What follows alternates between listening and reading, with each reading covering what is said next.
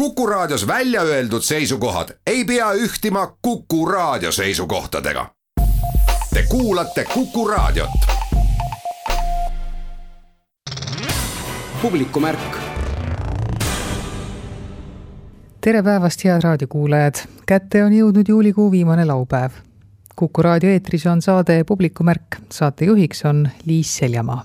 ehkki publiku ja esinejate kohtumine on taas pisut keerulisemaks muutunud. toimub veel augustis mitmeid kontserte, teatrietendusi ja muudki. tänases saates tuleb juttu kontserdisarjast Helisevad õhtud, mis viib erinevatesse Eesti mõisatesse lauljatar Hedvig Hansoni.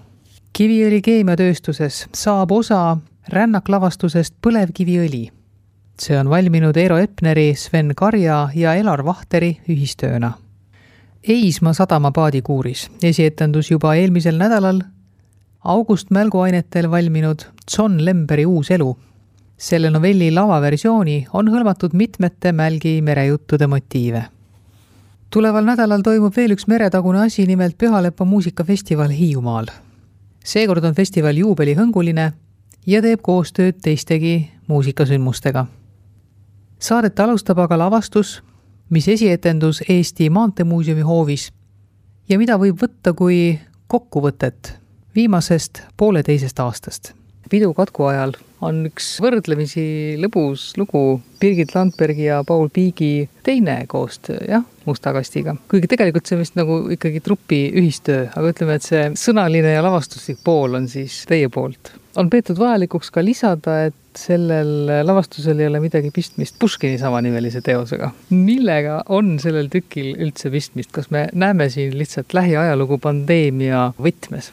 et mida mina siin näen või siis mida ma siis pakun või mida me näitlejate ja Pauliga koos uurisime, oli see, et kui rääkida nendest kahest või pooleteisest aastast, mis on möödunud, et mis meile tundusid olukorrad, mis tundusid jaburad või tundusid kuidagi nagu kriipivad, et teha nendest nagu süntees ja panna need lavale ilmselgelt noh, et see sisend tuli minult mulle tundus, et maailm läks hulluks kuidagi ja mingid asjad või nagu mingid nähtused või ilmingud tekkisid. ma sain aru, et ma ei saa olla üllatunud, et need olukorrad on sellised, nagu nad on, aga need tohutult häirisid mind. kas üldse saab siit edasi minna kuidagi koos, kui nüüd ütleme, et olukord muutub tavaliseks, et mis siis, mis me siis teeme nagu. mina olen pidanud valima sõnu erinevates seltskondades, et kus ma tean, et võib-olla minuga mõttekaaslaseid kui selliseid ei ole ja see on alati natuke hirmutav, et kuidas edasi. jah, see lavastus võib-olla sündiski sellest, et nagu otsida lihtsalt need võib-olla mingi olukorra olukorrad ja asjad ära, mis tunduksid tuttavad ja võib-olla võimaldaksid ka kõik nagu minna lasta. no mina ei tea, minu arust võiks naerda küll, kuigi ma kujutan ette, et on inimesi, kelle jaoks see on väga tõsine ja kes arvavad, et mitte mingisugust äh, niisugust nalja tegemist siin ei ole.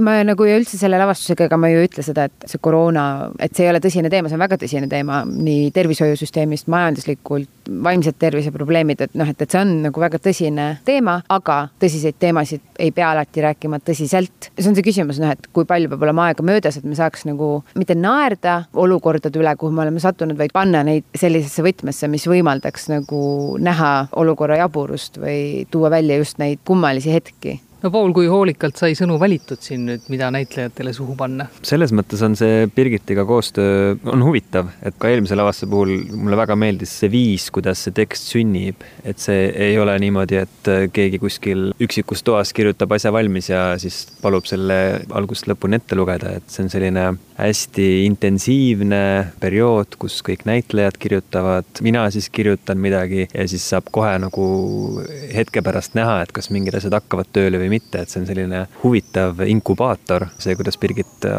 oma asju loob. proovide ajal ja sellise loomingulise protsessi ajal minu arust võib nagu kõike öelda ja kõike teha, et siis peab see toimetaja pigem olema nagu kuskil äh, sahvris peidus, et siis, kui juba nagu ideed on valmis ja hakkavad kuidagi vorminduma, et siis tuleb see toimetaja rohkem mängu no iseenesest on see olukord meil ju ikka veel nagu selles mõttes olemas, eks ole, see ei ole lõppenud, me keegi ei tea, millal see lõpeb, me keegi ei tea, kuidas see lõpeb, loodetavasti see lõpeb niimoodi, et me saame vähemalt jah, nagu sa ütled, rahulikult edasi elada, et niisugune ühinemine ilmselt ei toimu enne, kui lõplik lahendus on kätte jõudnud.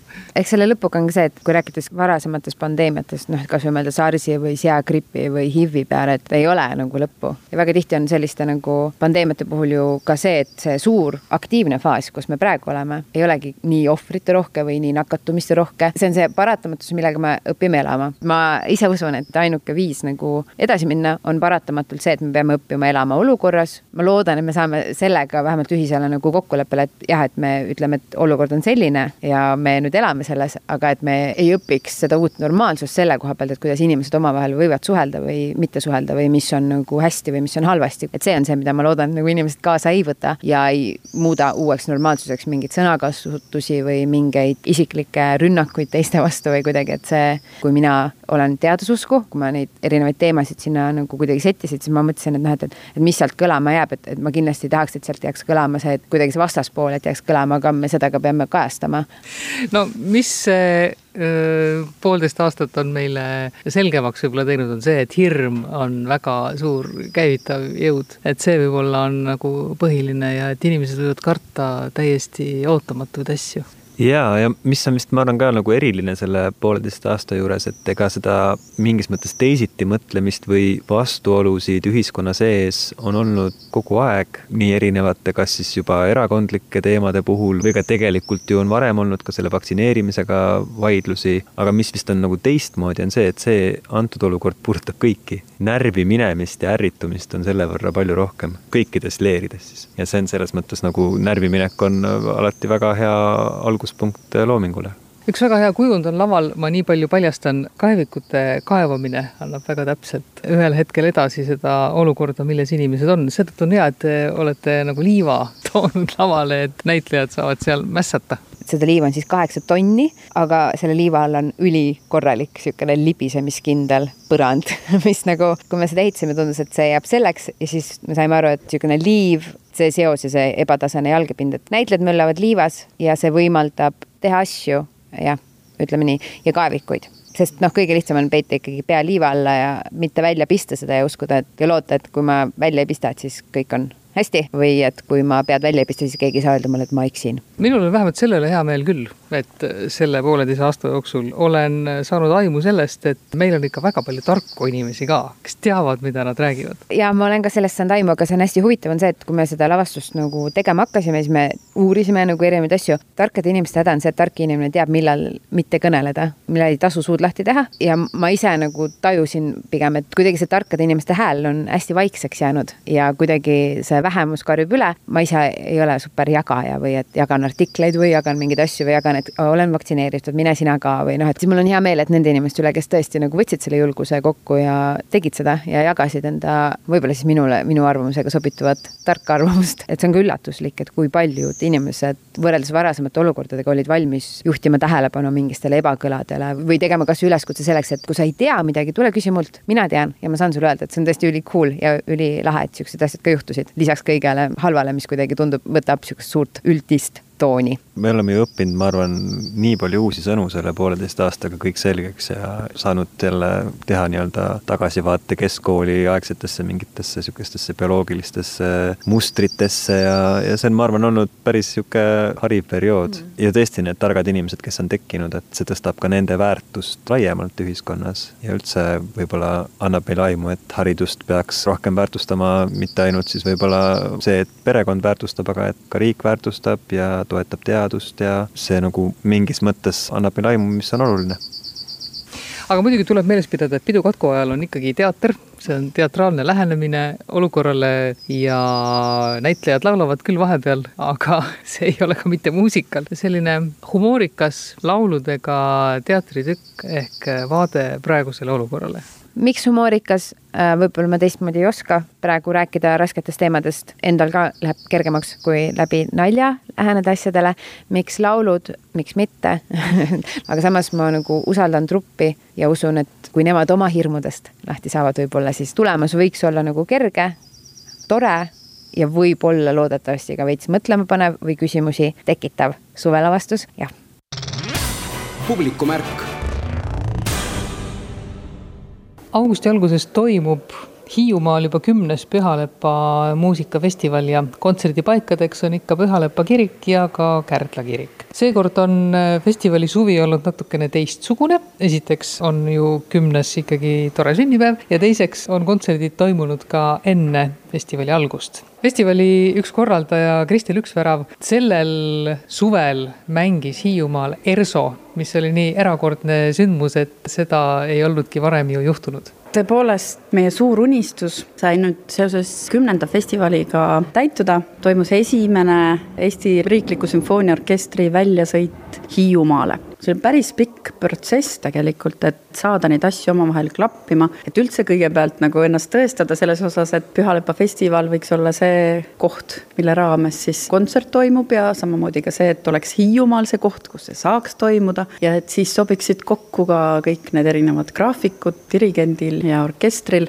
Ja kuidagi see nüüd kõik siis ikkagi õnnestus kahjuks või õnneks muidugi tuleb öelda, et suuresti tänu ka sellele pandeemia olukorrale, mis on ka teinud nagu osasid artiste ja ka dirigente ja ka siis nüüd orkestrit natukene paiksemaks erilise sellise tõuke tegelikult või võimaluse lõi selleks Kärdla kiriku renoveerimine. see kirik on tehtud korda ja et seal on piisavalt palju ruumi selle jaoks, et tõesti ühte sümfooniaorkestrit sinna ära mahutada. ja suur teos, millega Collegium Musicale on esinenud äh, nüüd siin ja seal, ehk siis Maarja Missa ka on ära lauldud juba Kärdla kirikus. meie põhifestivali aeg on ikkagi augustis, siis tundus juba tore mõte, et ka mitte seda juulikuud vahele jätta, vaid ka sinna siis siis juba üks kontsert korraldada, saigi siis välja valitud saarlasest helilooja ja siis Maarja Missa, mis on teosena kirjutatud just mõeldes koduvägivalla all kannatanud ja kannatavatele naistele no seda on esitatud nüüd siin ja seal päris palju, et kas nüüd selleks suveks on see teos juba ka nagu hästi sisse lauldud või et ta läheb ikka nagu veel paremaks? eks ta ikka läheb paremaks. Taanis oli kooril võimalus esitada seda ka siis erinevate instrumentalistidega, kus oligi väga rahvusvaheline koosseis ja ikka, eks üks teos, kui ta saab küpseda ja, ja kui teda saab esitada ja ikka heliloojate puhul öeldakse ju ka, et heliloojale on pidupäev see, kui teost esitatakse teist korda. Ehk siis, et see üks ei jää selleks ainukeseks. Ja seda ma, on Collegium Musicale püüdnud ka just erinevate teoste puhul teha, et ühtepidi nad ju tellivad väga palju Eesti heliloojate muusikat, see on selline missiooni küsimus. Ja teiseks siis nad püüavad ka mitte teha seda ainult nagu üheks korraks või ka siis salvestada. ma tean ka, et Maarja Missa puhul on seesama, et see on plaanis korralikult siis plaadistada aga festivali põhipäevad on kuues, seitsmes ja kaheksas august.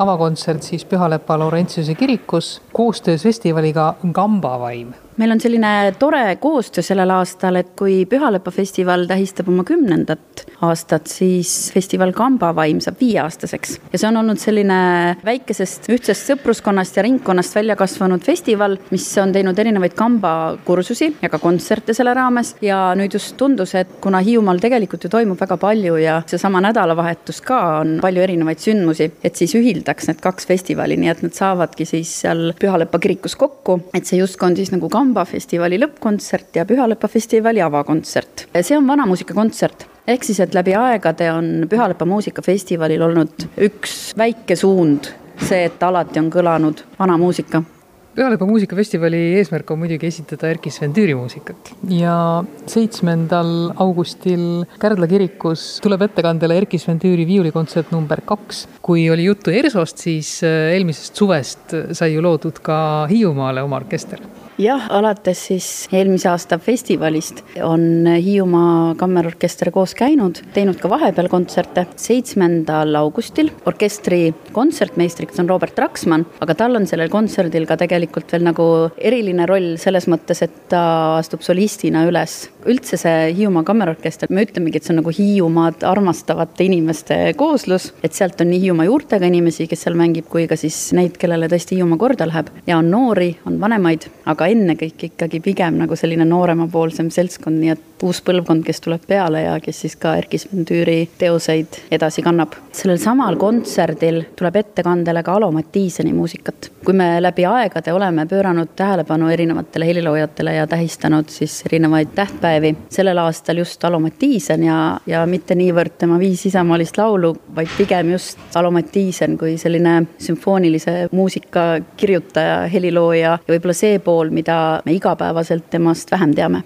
mis puudutab nagu Tüüri ja, ja siis Mattiisenit, et kuna neid seob ka üks ansambel ehk siis Inspe, et see kuidagi nagu tundus selline tore kombinatsioon just sellel festivalil, kuna tänavu siis möödus kuuskümmend aastat Alo Mattiiseni sünnist. ja Pühalepas Laurentiuse kirikus kantakse ette ka selle festivali uus teos, kaheksandal augustil Pärt Uusbergi kooriteos Laurentiuse lugu tegelikult selle teose tellijaks on lisaks siis Collegium Musicalele Kuusalu koguduse õpetaja Jaanus Jalakas. ja Jaanus Jalakas on olnud omakorda aastaid tagasi Pühalepa koguduse õpetaja ja andnud väga suure panuse selle jaoks, et Pühalepa kirik sai üldse korda juhtumisi on nii, et nii Pühalepa kirik kui ka Kuusalu kirik on Laurentiuse kirikud. see ongi kõik nagu selline tore jällegi asjade kokkulangemine ja see teos on kirjutatud siis koorile ja orelile. see on ka Pärt Uusbergi poolt selline arvatavasti vist üks esimesi teoseid, kus ta ka orelile konkreetselt kirjutab. orelil on äh, Piret Aidulo ja esitab seda siis Collegium Musicale. ära peaks märkima siin ka Doris Kareva panuse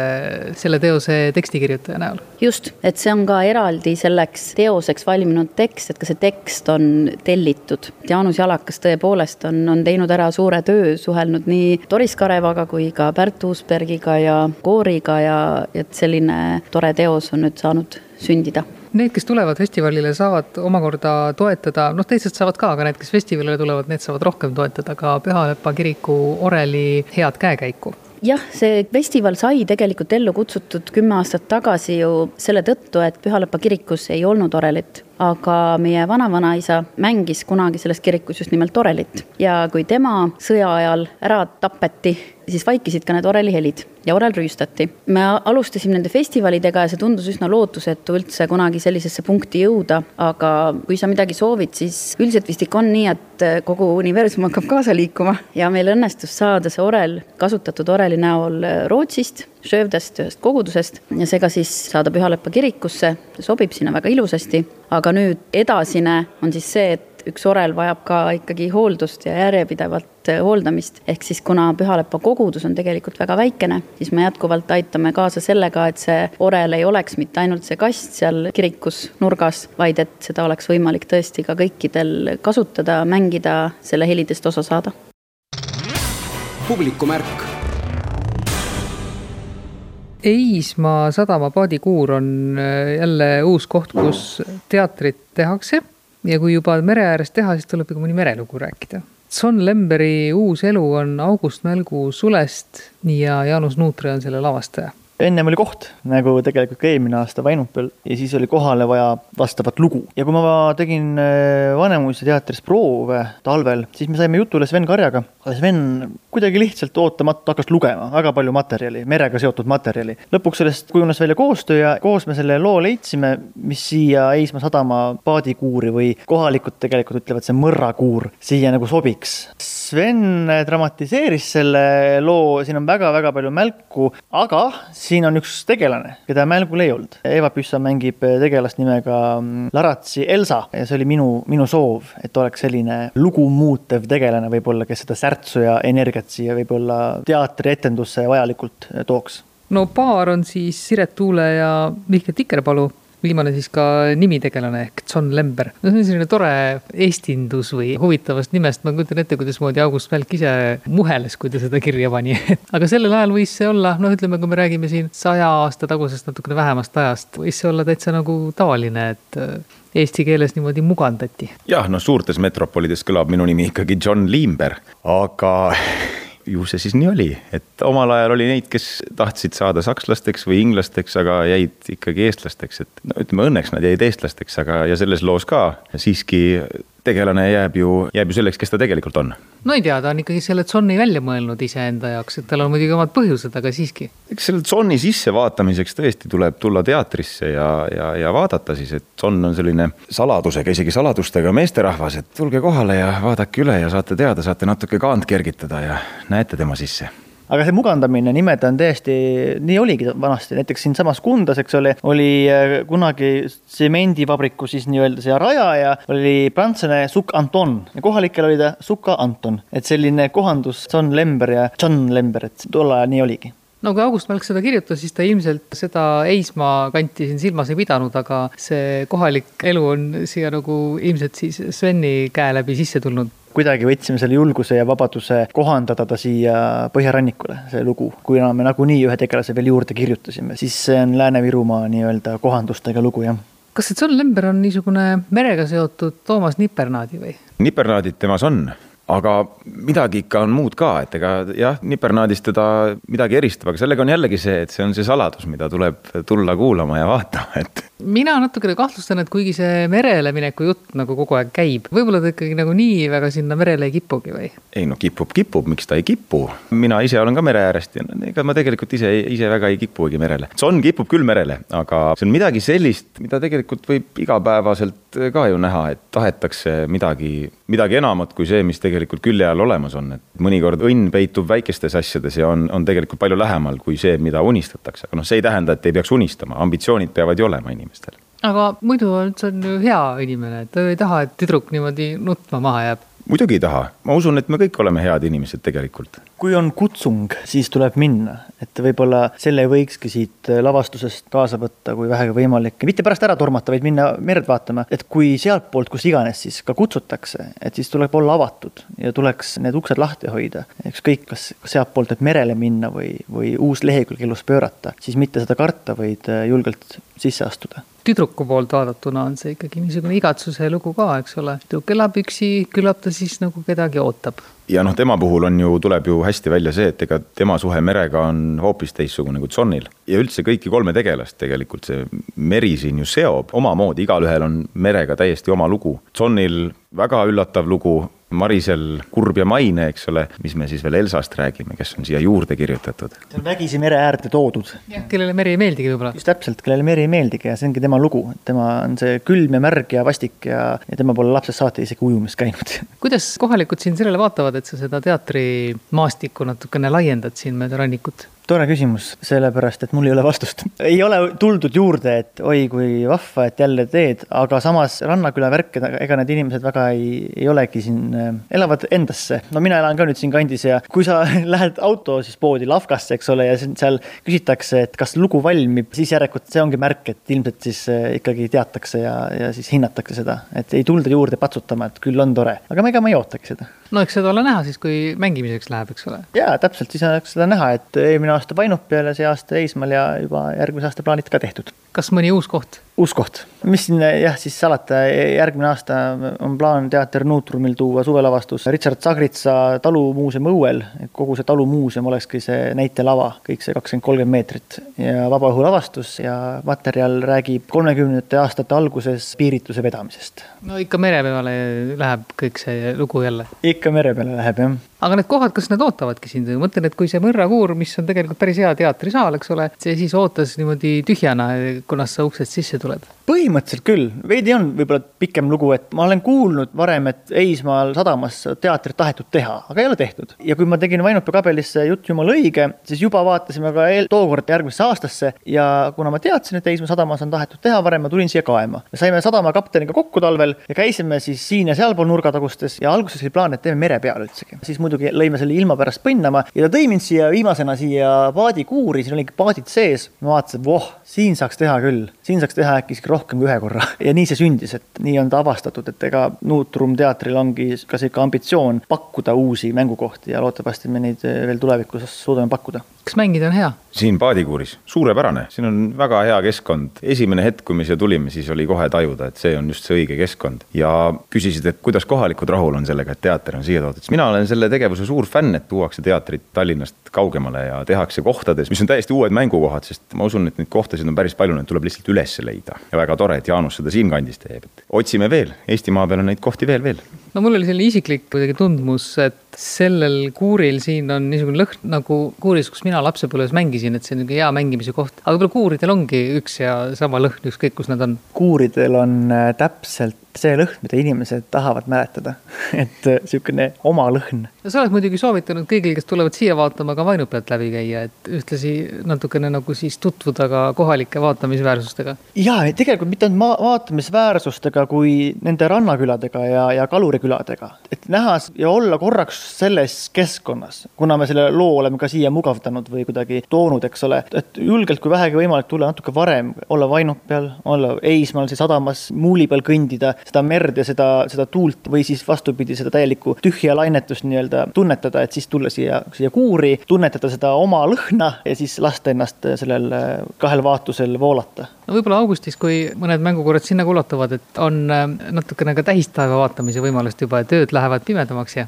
absoluutselt, vot see ongi ilmselt kõige ilusam, et kui siin viieteistkümnes august on viimane, viimane etendus ja pool kümme õhtul on juba piisavalt pime, siis seal kai peal neid tähti vaadata ja, ja mõelda, et kui lähedal on eh, meri taevale. publikumärk. lavastus pealkirjaga Põlevkiviõli põhimõtteliselt saabki Eesti kontekstis sündida vist eh, ainult kiviõlis see on äh, rännaklavastus, mis tähendab seda, et tehase territooriumile on äh, lubatud inimesed ringi kõndima. noh, seda võib võtta mõnes mõttes ka kui ühte niisugust pooleteise tunni pikkust ekskursiooni või lavastaja Elar Vahter, kas sellega on natukene liiga tehtud selle lavastuse kontseptsioonile? ma pigem ütleks, et on küll liiga tehtud, sest me oleme algusest peale dramaturgidega mõelnud seda, et see ei tohiks muutuda muuseumiks ja ekskursiooniks. seetõttu me ei ole ka lokaliseerinud nii-öelda audios, kus me käime, mis hoone, mis täpselt mida teeb, et vältida just sellist muuseumi ekskursioonilaadset asja, vaid see tekst on tuletatud kohalike inimestega tehtud intervjuudest. sellele eelnes väga pikk ja põhjalik töö, mitmeid nädalaid ja nädalavahetusi kestnud intervjuud kevadel ja, ja siis nendest inspireeritult me oleme teinud selle teksti ja selle lavastuse no Ere Epner ja Sven Karja on äh, dramaturgidena siin äh, vaeva näinud siis äh, selle teksti kallal. nii palju, kui mina tean, nad mõlemad peaksid olema nagu niisugused põlevkiviõlitööstuse kauged inimesed. Küllap nad ongi ja, ja kaasa arvatud ka mina ise, aga see teema kuidagi kerkis esile erinevatel põhjustel. ma sattusin äh, siia Ida-Virumaale tegema ka sellist missioonipõhist lasteteatri nii-öelda ringi ja siis ma hakkasin siin Ida-Virumaal käima millegipärast, viimase aasta ma olen siin käinud eh, iga nädal korra. See keemiatööstus jäi mulle kuidagi siin hambusse ja ma läksin selle jutuga siis Eero juurde ja siis Eero arvas, et on vene keelega vaja abi, siis ma ütlesin, et ega Sven on ju meil vene keele spetsialist, siis tuli Sven kampa. see töömaht oli ka nii suur, siis panime käed kokku ja teeme seda kõik koos Kerli äh, Romanovitš siis pakkus üldse mulle välja, et midagi võiks teha siis ta pakkus keemiatööstuse välja, et siin mingit suveteatrit teha ja lihtsalt ma vaatasin suu ammule ja ütlesin, et ei, et siin ei saa mingit teatrit teha. Läks aega mööda ja Kerli küsis ikka uuesti, et oled sa kindel, et ikka ei saa. vahetus valitsus, siis tuli see põlevkivi teema uuesti hästi tugevalt fookusesse ja siis mul lõi klikki ära, et nüüd tuleb teha ikkagi, kui see pakkumine on, kui keemiatööstus on valmis nagu meid siia sisse laskma, see on olnud väga pikad igasugused läbirääkimised, et me üldse täna võime siin olla ja täna võib öelda, et ma arvan, et me teeme midagi olulist. kas see keemiatööstus oli natukene nagu ettevaatlik selles mõttes, et mis asja te siin ikkagi tahate nagu teha? no ma arvan, et nad on tegelikult veel täna ka ettevaatlikud, et loodame, et meil ka etendused, et meil on ikkagi suur osa tööst on alles ees veel, et need etendused kõik turvaliselt läbi viia. aga ütleme niimoodi, et me oleme saamas sõpradeks selle tehasega no minul isiklikult on äh, kiviõliga väga lähedased suhted, minu vanaisa ja minu onu on teinud tublit kaevuritööd, tänase päevani Kiviõlis elavad mul sugulased ja ma mäletan alati ka lapsena, kui siia sai sõidetud, et siis mingil hetkel hakkas paistma see Tuhamägi ja see oli nagu ütleme, niisugune atraktsioon. selles lavastuses ta paistab ka, aga ta kuidagi on nagu varjul. jah, me panime ta kuidagi algusesse ära ja natuke vist see Tuhamägede või siis poolkoksimägede, kuidas keegi tahab öelda, et meil siin näpuga aeti järge ka, et Eestis on ainult üks Tuhamägi, et ülejäänud on poolkoksimajad, on ju. aga jah, et kuna sellest alast räägitakse tihti ainult nende mägedega seonduvalt, siis meie mõtlesime, et noh, loomulikult on siin, aga me ei, ei keskendu ja loomulikult suusahooaeg ja mäesuusatamist ta röövib Otepäält juba päris jõudsalt, aga see on tore jah, aga see lihtsalt ei mahu sinna teemasse, mida meie tahtsime käsitleda, et meie tahtsime ikkagi vaadata just seda põlevkivitööstust, seda tehast ja nende sümbioosi, kuidas nad koos elavad, kogukonnasisest vaadet. et tavaliselt näidatakse ikka näpuga siiapoole, kuidas, mis siin probleemid on, kuidas siin peaks elama ja mida siin võiks üldse teha. et need suured otsused tehakse kogu aeg tihti inimeste peade eest kõrgemal ära ja siis kohalik inimene ei saa midagi öelda, et me mõtlesime, et üritaks anda väikse lõigu siis ka kohalikest vaadetest lähtuvalt jah, samamoodi inimesed, kes siin elavad ja kes võib-olla ka töötavad siin tehases, nende lapsed käivad koolis, käivad lasteaias, nad tahavad ka jalutada ilusatel tänavatel, tahavad kinos, teatris käia ja nii edasi ma arvan küll ja ma arvan, et see üritus, et see siin toimub ja et see aitab kindlasti kaasa ka kogu sellele linnale, Ida-Virumaale tervikuna, et noh, mina ei olnud siin linnas enne seda lavastust mitte ka ühtegi korda käinud. meie lavastusmeeskonnast üle poolte on sama taustsüsteemiga. kõik on tulnud selle ideega kaasa ja armunud sellesse ideesse ja et see tundub kuidagi oluline. et üldiselt see on keskmise eestlase identiteedist nagu väljaspool, see linn. et inimesed ei tea isegi, kus see kaardil asub, aga kuidagi jah, on saanud meie selliseks kodulinnaks juba no niimoodi tulebki seda armastust äh, Ida-Virumaa vastu ka kasvatada. ma ise hakkasin ka mõtlema, kui oli juttu, kui palju Kiviõlis korterid maksavad näiteks, et hmm, võib-olla tasuks siin äh, mõnda aega isegi elada. jaa, saab palju rohkem raha kõrvale panna kui Tallinnas elades. üks asi muidugi, mis on ka teravalt äh, esil ja selliste dramaturgide puhul ma muidugi oleks väga imestanud, kui seda ei oleks, on energiateema, energeetika, rohepööre ja kõik sellised asjad. muide, see Tuhamägi on tegelikult ka energiaallikas. jaa, minu teada isegi kogu see suusakompleksi hooned, see hotell mis seal on, on kõik talvel äh, nii-öelda soojussüsteem tulebki mäest, et need mäed on tegelikult ju soojad, kolmsada kraadi, mõne koha peal ei saa seista isegi. ja rohepööre ka mingis mõttes, see on seesama, et kui me siit tehase territooriumilt ära läheme ja oleme oma särgid täis higistanud ja tahame koju pesema minna, siis mismoodi see pesupulber ikkagi tuleb. et sihuke tehas nagu näiteks siinsamas Kiviõlis peab selleks kakskümmend neli seitse üürgama, et meil oleks tore poest pesupulbrit osta ja sellega oma oma pesu pesta, mis tundub meile täiesti iseenesestmõistetav. aga see paneb vähemalt mõtlema selle peale, kuidas noh, millises suunas võiks meie mõtted liikuda või me peaksime rohkem mõtlema selle peale, kust see tuleb kasvõi seesama pesupulber meile kappi. ma arvan küll jah, et see aitab mingi maailmapildi ikkagi kokku panna ja meie just otseselt elektrist ei räägi, aga võib-olla paned tule kustu siis teinekord, et iga asi aitab natukene kaasa kogu sellele asjale üks asi, mis veel mulle meeldib selle lavastuse puhul, et noh, kui seda teksti võib ju kuulata põhimõtteliselt ka kodus diivani peal, siis üks asi, mida ei saa kodus diivani peal ja mis on väga oluline osa sellest lavastusest, see on lõhnaaisting. sa oled pidevalt siin mingisuguste lõhnade keskel, minule tundusid paljud lõhnad nendest isiklikult küll väga tuttavad, ütleme mingisugused töökodade lõhnad ja niisugused on mulle lapsest saadik tuttavad, et see võib jällegi mälestusi tagasi tuua. toob küll jah, ütleme niimoodi, et mingid mehaanikaosakonnad on tõesti sellised isegi kodus, et võib-olla vanaisa garaaž või midagi sellist. ja mingid lõhnad, jah, meil on siin isegi olnud mingid muud ruumid eh, olnud nimekirjas, kust võiks seda rännak läbi minna. selle generaatori ruumi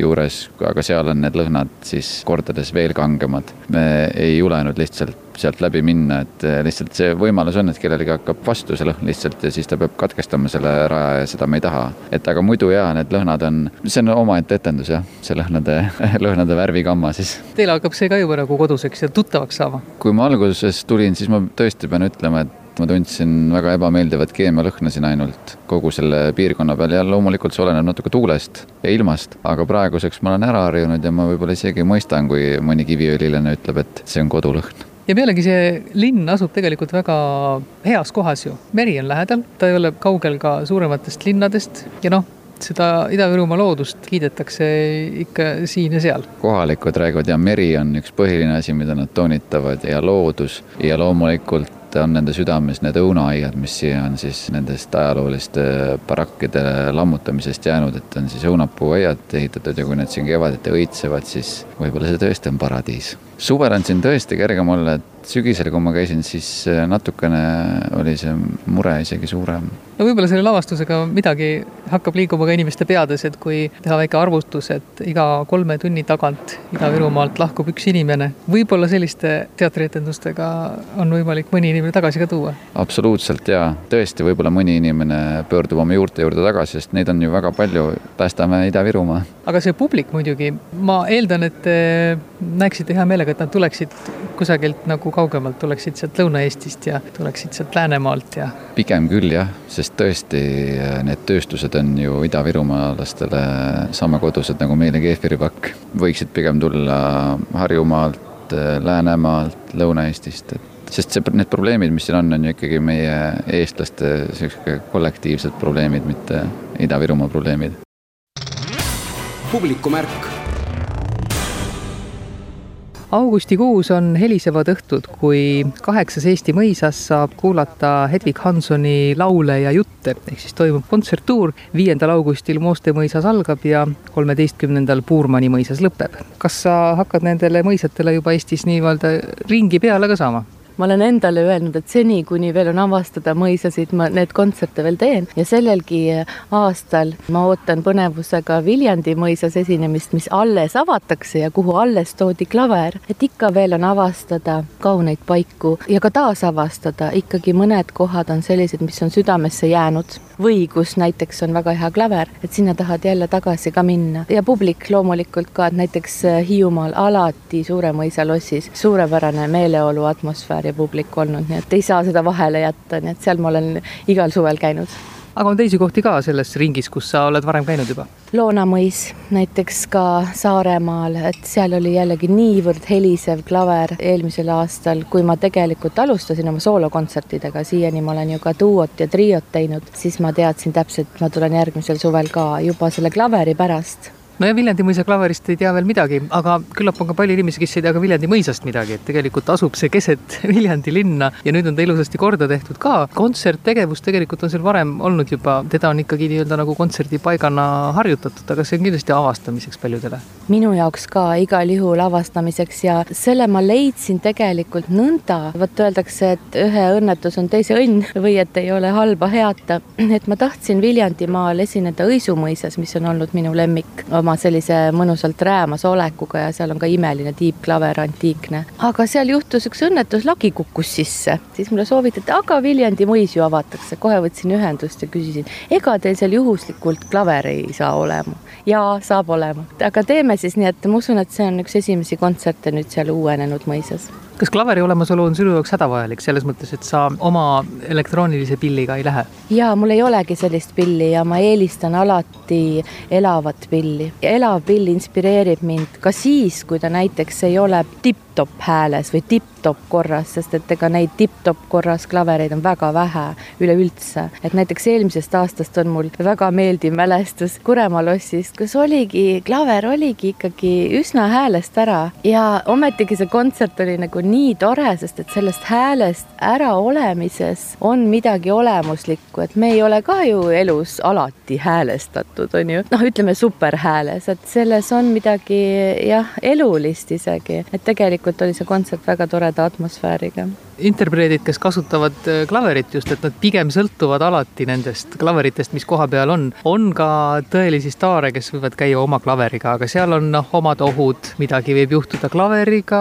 ja nii edasi, ega see transport ei ole ka kerge, odav ega tänasel päeval ka keskkonnatundlik. no, no just nimelt, see on absurdne, et mina just tegelikult tahan avastada, et mis klaverid need siis seal paigal on. Ja ega ma ei saaks seda iial endale lubada ka, et tooge mulle nüüd tiibklaver klaver, et nii diiva ma ikkagi ei ole. ma olen üsna kokkuhoidlik inimene, et ka selle ringreisi ma ise korraldan ja ise tassin oma väikese helitehnika, mis on vajalik siis hääle võimendamiseks peamiselt, aga suuremates saalides nagu Sangaste loss on ka vaja natuke toetada klaverit, et see on jälle selline akustiline spetsiifika aga räägime kontserdi enda spetsiifikast. oled uued lood välja mõelnud, mida rääkida, uued laulud, mida laulda? tegelikkuses ma elan nüüd juba niimoodi elus, et lasen kõik voolama. ma küll mõtlen jah nendele lugudele, aga ma ka varieerin neid. ütleme niimoodi, kava ei ole kivisse raiutud, et vastavalt meeleolule, et mul endal oleks ka põnevam. et ütleme, et on paarkümmend lugu, mille seast ma valin, aga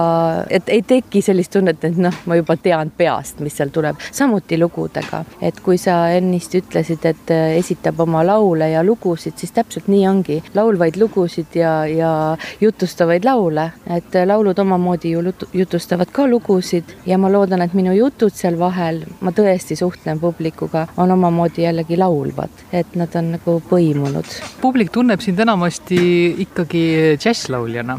Jah, ma ikka alati ütlen, et ma ennast džässlauljaks ei pea, sest et ma arvan, et džässlaulja võiks ikkagi bändiga teha sellist vanakooli džässi ja teha igast huvitavaid hääli ja improviseerida meeletult, aga kuna mina olen neil kontsertidel tõesti klaveriga kahekesi ja see on täiesti minu maailm, et siis ma lähtun ikkagi sellest loomulikust kõlast. kindlasti on seal selliseid džässiharmooniaid minu lugudes, neist ei saa üle ega ümber, aga mulle meeldiks mõelda endast kui hingelauljast, et noh, sellist määratlust justkui ei ole, ei saa kategooriasse panna hingelaulja. Aga ikkagi jah, see jutustus on mulle väga tähtis ja mitte maneerlikkus, vaid see ülim loomulikkus. Kas see sõltub ka kellaajast või et kas see, millal sa alustad, on ka kuidagi seotud sellega, mida sa laulad? Võib-olla nii ja naa, et see selline videviku aeg suviti eriti on maagiline minu meelest. kindlasti ta oma meeleolu loob, aga loob meeleolu ka atmosfäär, mõisa atmosfäär, ka klaverikõla, loomulikult ka tuju, aga üldiselt, kui muusika läheb käima, isegi kui päeval oled, ma ei tea, roidunud sõitmisest või, siis see võlu tuleb kohe kohale tegelikkuses. nähtavasti jah, kõik oleneb kõigest no see roidumus võib sul tulla ka, sest ütleme nii, et sa teed need kontserdid enam-vähem järjest, keskel on seal üks päev vahel ja, ja on ikkagi sõitmist edasi-tagasi, et ei ole nii, et hakkad ühest Eesti otsast minema. aga väsimus on ka ju osa elamisest, eks ju, et kuidas sa siis selle väsimusega hakkama saad ja peab seda loomulikult võtma, et noh, tõsi on see, et sõitmine väsitab, aga kui sa saad kenasti puhatud, siis on jälle järgmine õhtu jällegi tore, et ma arvan, et see kaheksa kontserti on just täpselt see, kus sa jõuad osad kenasti ära tehtud, et sa veel ei ole päris läbi väsinud no kui me eelmisel suvel rääkisime nendest kontserditest, siis oli muusikute jaoks nagu selline avanemise aeg, eks oli, oli pikalt kontsertide keeld ja nii edasi, suvel sai juba teha ja augustis veel eriti. noh, nüüd on aasta möödas sellest ja oleme ka igasuguseid aegu näinud ja olnud, et kas see aasta on ka mõjutanud, noh, ütleme sinu loomingut või sinu suhtumist või üldse mõtteid? Iga aasta, ükskõik milline ta ka ei oleks, eks ju, peaks ühte mõtlevat inimest panema mõtlema elu ja olemise üle üldse. aga jah, ta ei ole halvas mõttes mõjutanud, seda ma küll öelda ei saa, et loomulikult on esinemise tööd on olnud vähem, aga jällegi mina olen ju juba aastaid eemale tõmbunud sellest suurest meelelahutusest, sellest, et peab olema palju esinemisi, et ma olen väga kodune ja ka see aeg, tegelikult see endasse vaatamise aeg on ka loominguks olnud minule väga vajalik vajalik aeg. Et siis võib öelda ka, et need on nagu niisugused sissepoole kontserdid ka, noh, sinu enda mõttes sissepoole kontserdid? kindlasti, et see repertuaar on ka muutunud ju aastatega, see on ju loogiline. noh, mina ei ole selline popstaar, kes esitaks kolmkümmend aastat ühte ja sama repertuaari, eks ju, mida, mida publik justkui nõuab, et selles suhtes ma olen täitsa sõltumatu ja see on hea tunne, et ma võin esitada mida iganes muld pähe tuleb, eks ju, või, või mis on minu see lugu antud hetkel jutustada ja need, kes tulevad kontserditele, kindlasti maksab tulla ka nende kohtade pärast, sest enamasti on seal ikkagi midagi veel, et ei ole ainult see kontsert jaa, enamikes kohtades on ka avatud kohvikud, minu meelest kõikides, võib kindlasti tulla varem kohale ja nautida just seda atmosfääri ja nautida seda meie lühikest suve ja ka seda olukorda, et veel saab tõesti kontsertidel käia, sest me jälle ei tea, mis sügisest saab, et suvi on ju see õnnis aeg, kus on soe ja mõnus olla ja et siis endasse seda ahmida, et jõuaks selle pika talve üle elada jälle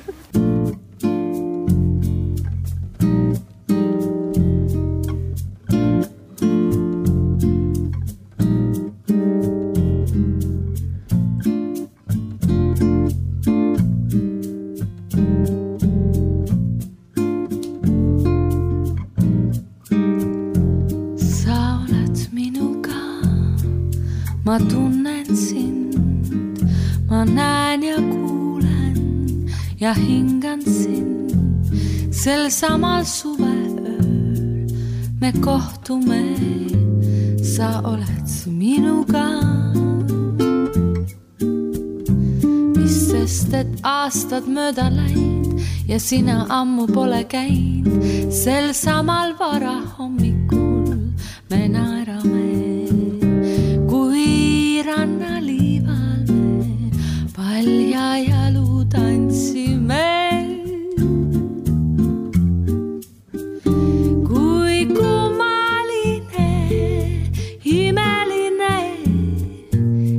üksainus öö võib jääda igavesti meeltesse.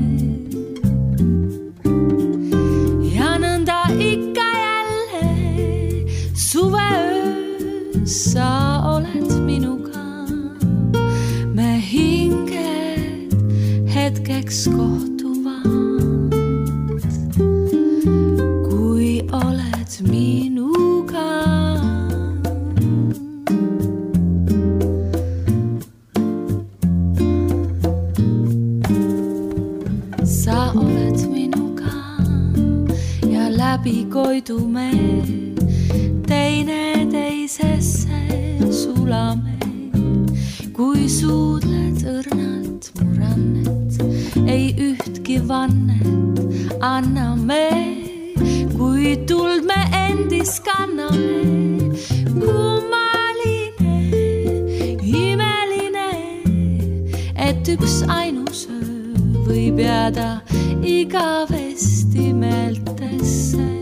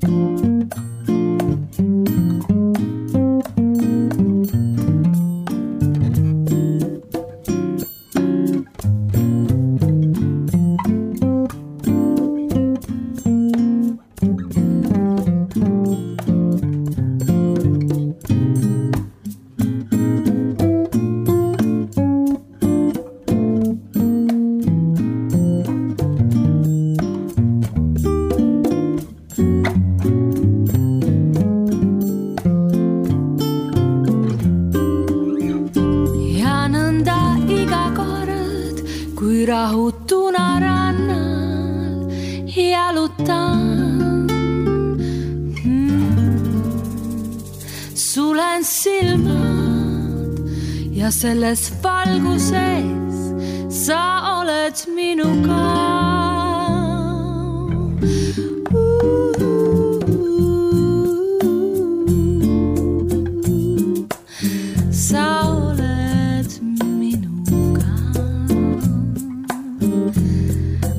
Oled